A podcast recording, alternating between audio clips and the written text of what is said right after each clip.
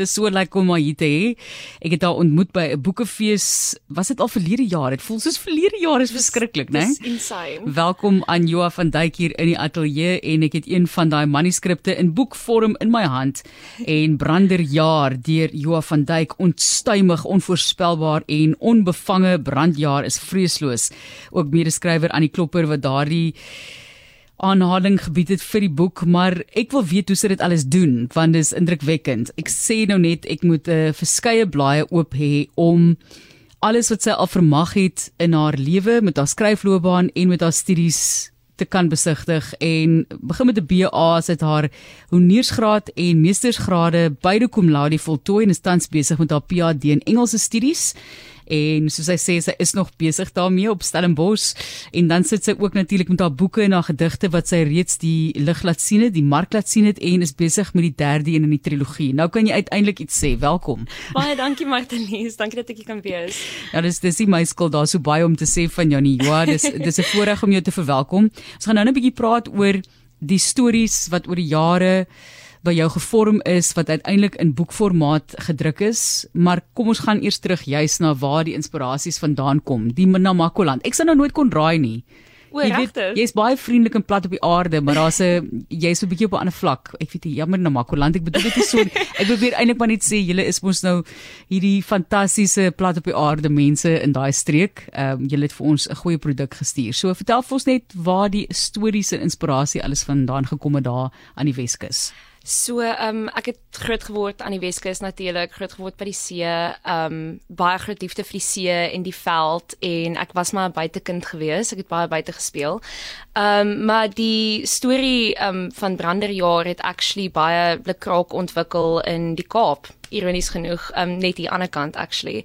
So um ek was op rooi bestuur gewees my 21ste verjaarsdag um saam met my gesin en um hulle het by Seepunt omgery en iets gesê van uh, branderjaars van reg oor die wêreld kom besoek die Kaap vir wada wada wada. En toe sê ek net soos oor die woord steek toe by my vas en ek het altyd 'n notebook by my. Dit is 'n dis 'n habit. En ek dink toe by myself, "Ag, oh, moet ek dit neerskryf? Moet ek dit waag want die wind is besig om soos alles net uit te ruk." En toe sê ek net soos ek nee, skryf dit neer, jy gaan dit vergeet. En ek kom toe op die vyf name van die branderjaars, ehm um, bittereinder, viervreter, kan nie dood, klipvreter en stokebrand. En van daardie af het dit net ek weet nie dit het net gebeur. Ek dis dis ja, dit het net gebeur. Heel organies gebeur. Baie organies. Dis sulke goeie Afrikaanse woorde wat jy vandag gebruik het vir jou karakters en tog studeer jy Engels. So jou ja. boeke is in Afrikaans, maar jy studeer Engels. Hoekom? Ehm um, ek het net nou amper lag gekry want gewoonlik as mense hoor ek kom van 'n Makwaland af dan is hulle soos maar jy studeer dan nou Engels.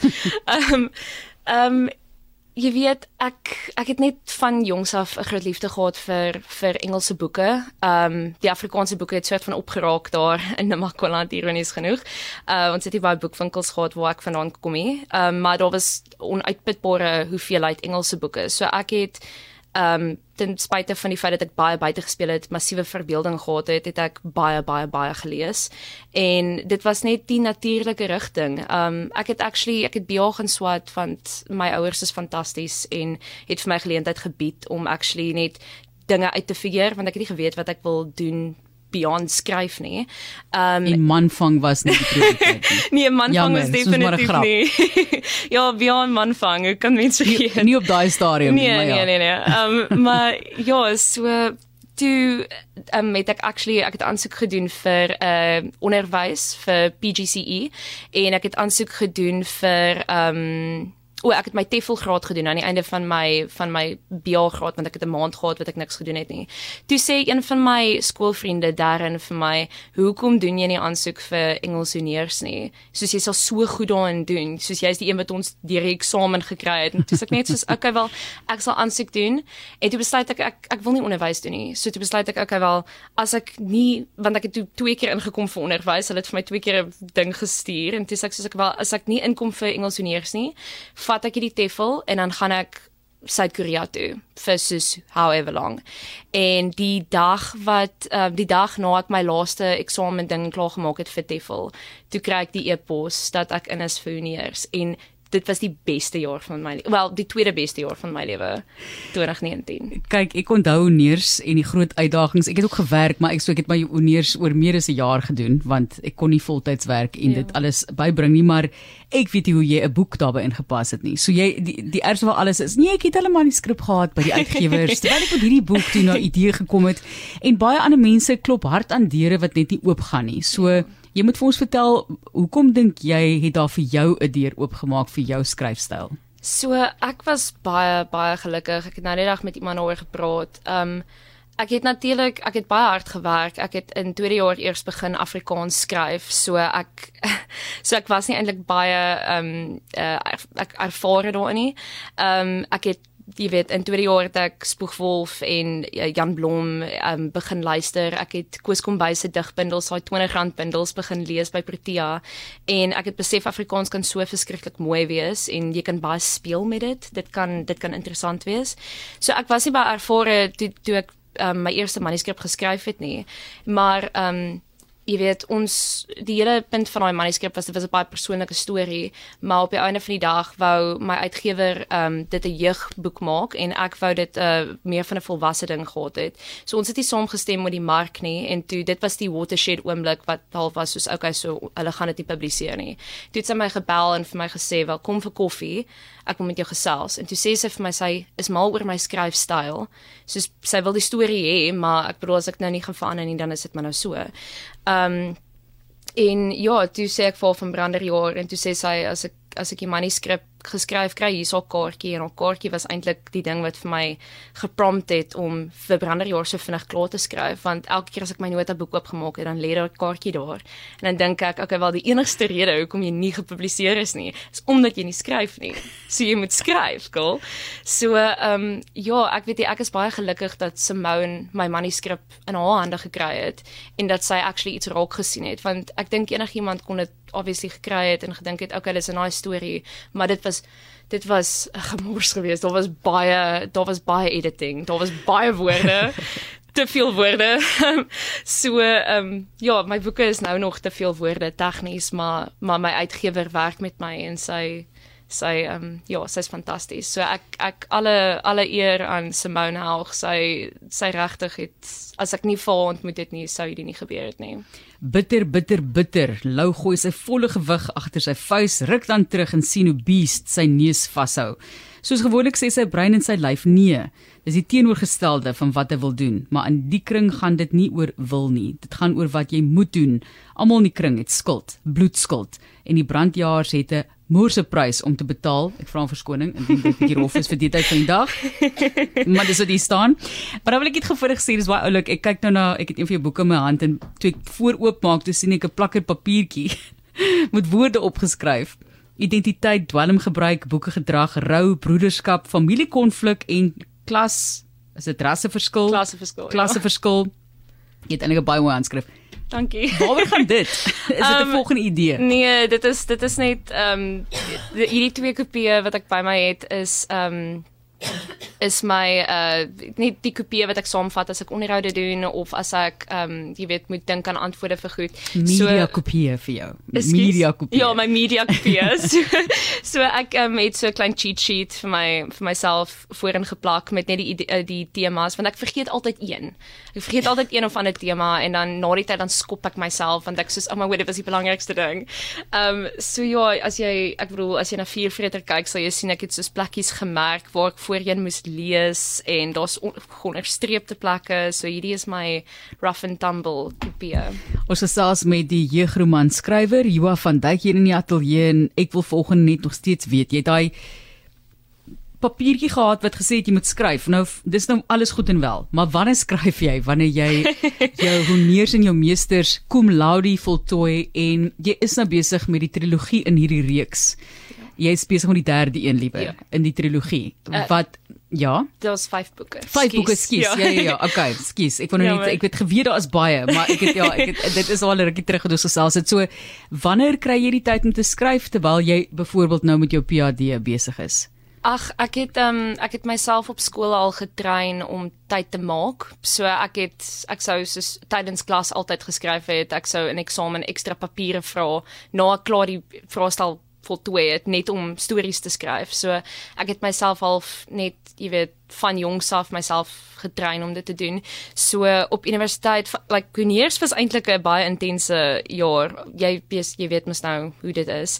Ehm um, so ek het ook 2 of 3 jobs gewerk daai tyd. Ehm um, en ek het my honeurs gedoen en dit was dit was intens, maar ek het in die aande geskryf. Ek het ehm um, ek het net in al my vrye tyd en dit was ek dink dit was dit was maklik ook geweest omdat ek die storie het net lekker gevloei. Ehm um, dit was ja, ek weet nie, ek wou dit net op papier kry, so ek het net ek het gefokus om alles op papier te kry en dan kan ek na die tyd jy weet dit skoon maak en mooi maak. Ja. That being said, ek het aan die einde van die jaar burn-out gehad en ek kan dink, ek sê ek vir my ma, mamma ek is so moeg. Dis sê sy ek kan maar los 'n paar goedjies, dis okay. Hy 'n um, lewe. Ja, hy 'n bietjie van 'n lewe. Ja. Maar dit was dit was ek bedoel ek het vir my vriendin sy doen nou journalistiek honeurs. Ek het vir haar gesê dit is die mees intens jaar van jou lewe, maar jy voel so stimulated heeltyd met al die mense en al die ek like al die verskillende invloede van verskillende plekke. Dit is 'n ongelooflike jaar. So en, en wat jy bereik motiveer en gee of jou verder energie ja. sekerlik. Ja, maar Johan, goed, ek weet nie presies hoe oud jy is nie, maar kyk, jy studeer dan nou al jou PhD en ek dink jy kan nog vir lank jeugroman, uh, romanne die lig laat sien, romans, ek dink is die meervoud. Maar tot op watter punt dink jy wil jy die jeug literatuur navolg of kan wag ons vir 'n volwasse boek uit jou pen? Ehm um, so ek het ek is so daar dis nog 3 boeke wat kom van die Branderjaars. Ehm um, en dan mik ek om moontlik 'n sequel reeks te doen wat fokus op die ontdekkers familie of die ontdekkers se kinders. Ehm um, Ja, so ek ek mik om nog 'n uh, jeug te doen en daar die eerste manuskrip wat ek ooit ingegee het, wil ek baie graag nou uiteindelik verwerk na 'n jeugroman toe. So daar is ten minste, jy weet nog, daar's 'n hele paar goed. maar ehm um, ek het 'n volwasse, ek het 'n ehm um, uh mense sal seker sê new adult so dis 'n boek vir mense wat soos in hulle 20's is met 20 so ek het so 'n boek waaraan ek ook baie graag wil werk en dan ek ja ek het ek het 'n uh, hele folder vol dokumente van stories wat net moet geskryf word. Sjoe. En van die en van die mense wat ek by KAK mee gepraat het, het ek uitgevind het 50 boeke op daai stadium al geskryf. Jo. So ek dink ons gaan so iets van jou af kry. Ek dink vir al die PhD klaar is, gaan jy vier hopelik met die volgende 3 boeke wat nog moet klaarkom. Jou raad vir 'n persoon wat nou luister wat regtig 'n passie het vir skryf of wat dit baie graag wil doen. Ek ek dink 'n mens is geneig om bietjie geloof in jouself te verloor mm. baie keer. Ek het ek wil môre 'n bietjie daaroor praat op lig is eintlik 'n ding wat Tom Hanks bespreek het met sy regisseur vir Forrest Gump en gesê het mm. maar wie gaan hierdie wie gaan dit wil kyk want dit is ja. so 'n bizarre storie eintlik gewees. En op die ou end jy moet net glo in dit wat jy nou doen en deurdruk, maar dit is nie altyd so maklik nie. So wat is jou motivering? So ehm um, ek eh, ek het ek kan onthou toe ek jy weet eerste jaar en tweede jaar was ek het altyd gesê ek wil 'n skrywer wees en ek ek het toe besef wel dit gaan nie net gebeur nie. Jy kan nie net aanhou sê jy gaan dit doen en dit nie actually doen nie. So my eerste like as ek by skole praat en so sê ek ook altyd my eerste tip vir jou is gaan sit en skryf. Doen dit fisies. Begin dit 'n gewoonte maak om elke dag te skryf. Maar my grootste tip eintlik wat ek heeltyd ook in gedagte hou is skryf alles neer like alles wat jou in die regte wêreld nou trigger of wat wat ehm um, vir jou uitstaan soos woorde van 'n van 'n liedjie eh, die kleur van iemand se oë iets wat iemand gesê het soos uh, die, uh, die manier hoe hulle hulle gesig trek. Skryf alles neer want my boek het letterlik gekom van 'n woord wat ek gehoor het op 'n rooi bestuur ja. En ehm um, my vriende is nou al gewoond daaraan ek sit met sticky notes ek sal soos in Bohemia of in die geselskap wees by 'n braai en dan sal iemand iets sê en ek begin dan net skribbel. En my vriende moet dan net sê o jammer skus jy sy's nie besig om beskof te wees nie jy het ja. net iets gesê wat haar inspireer ja, ja. en ehm um, so ja ek sou sê skryf alles neer want jy weet nie wanneer daar inspirasie daar uit gaan kom nie en dit maak dit ook like dit maak alles wat jy skryf dan ook meer werklik ja. want dit kom uit die regte wêreld uit dit voel tangible Dit is Joa van Duyk en Brander Jaar natuurlik een van die boeke uit 5 wat sy ek wil sê reeds en gaan bekendstel en viervreter en op die SMS lyn wat iemand sê ja, maak beswaar teen die M woord. Dit is letterlik in haar boek 'n voorlesing. en ek is baie lief vir Namakoland. Dit is 'n groot verskil tussen plat op die aarde en plat vloers. Plat op die aarde is wat ek gesê het, die plat vloers nie. So, so Joa wat daar kom van die pragtige Namakoland. Ons sê vir jou baie baie dankie. Dankie vir die inspirasie wat jy ook gee vir jong mense, mense van jou ouderdom en jonger. En dis mos die jeug is nog tot 35, so jy het nog ver om te gaan dink ek. Jy's okay. Ja, ek's okay. Sterkte by die skryf, sterkte by die PhD. Ons volg op aan die einde van daai 5 boeke.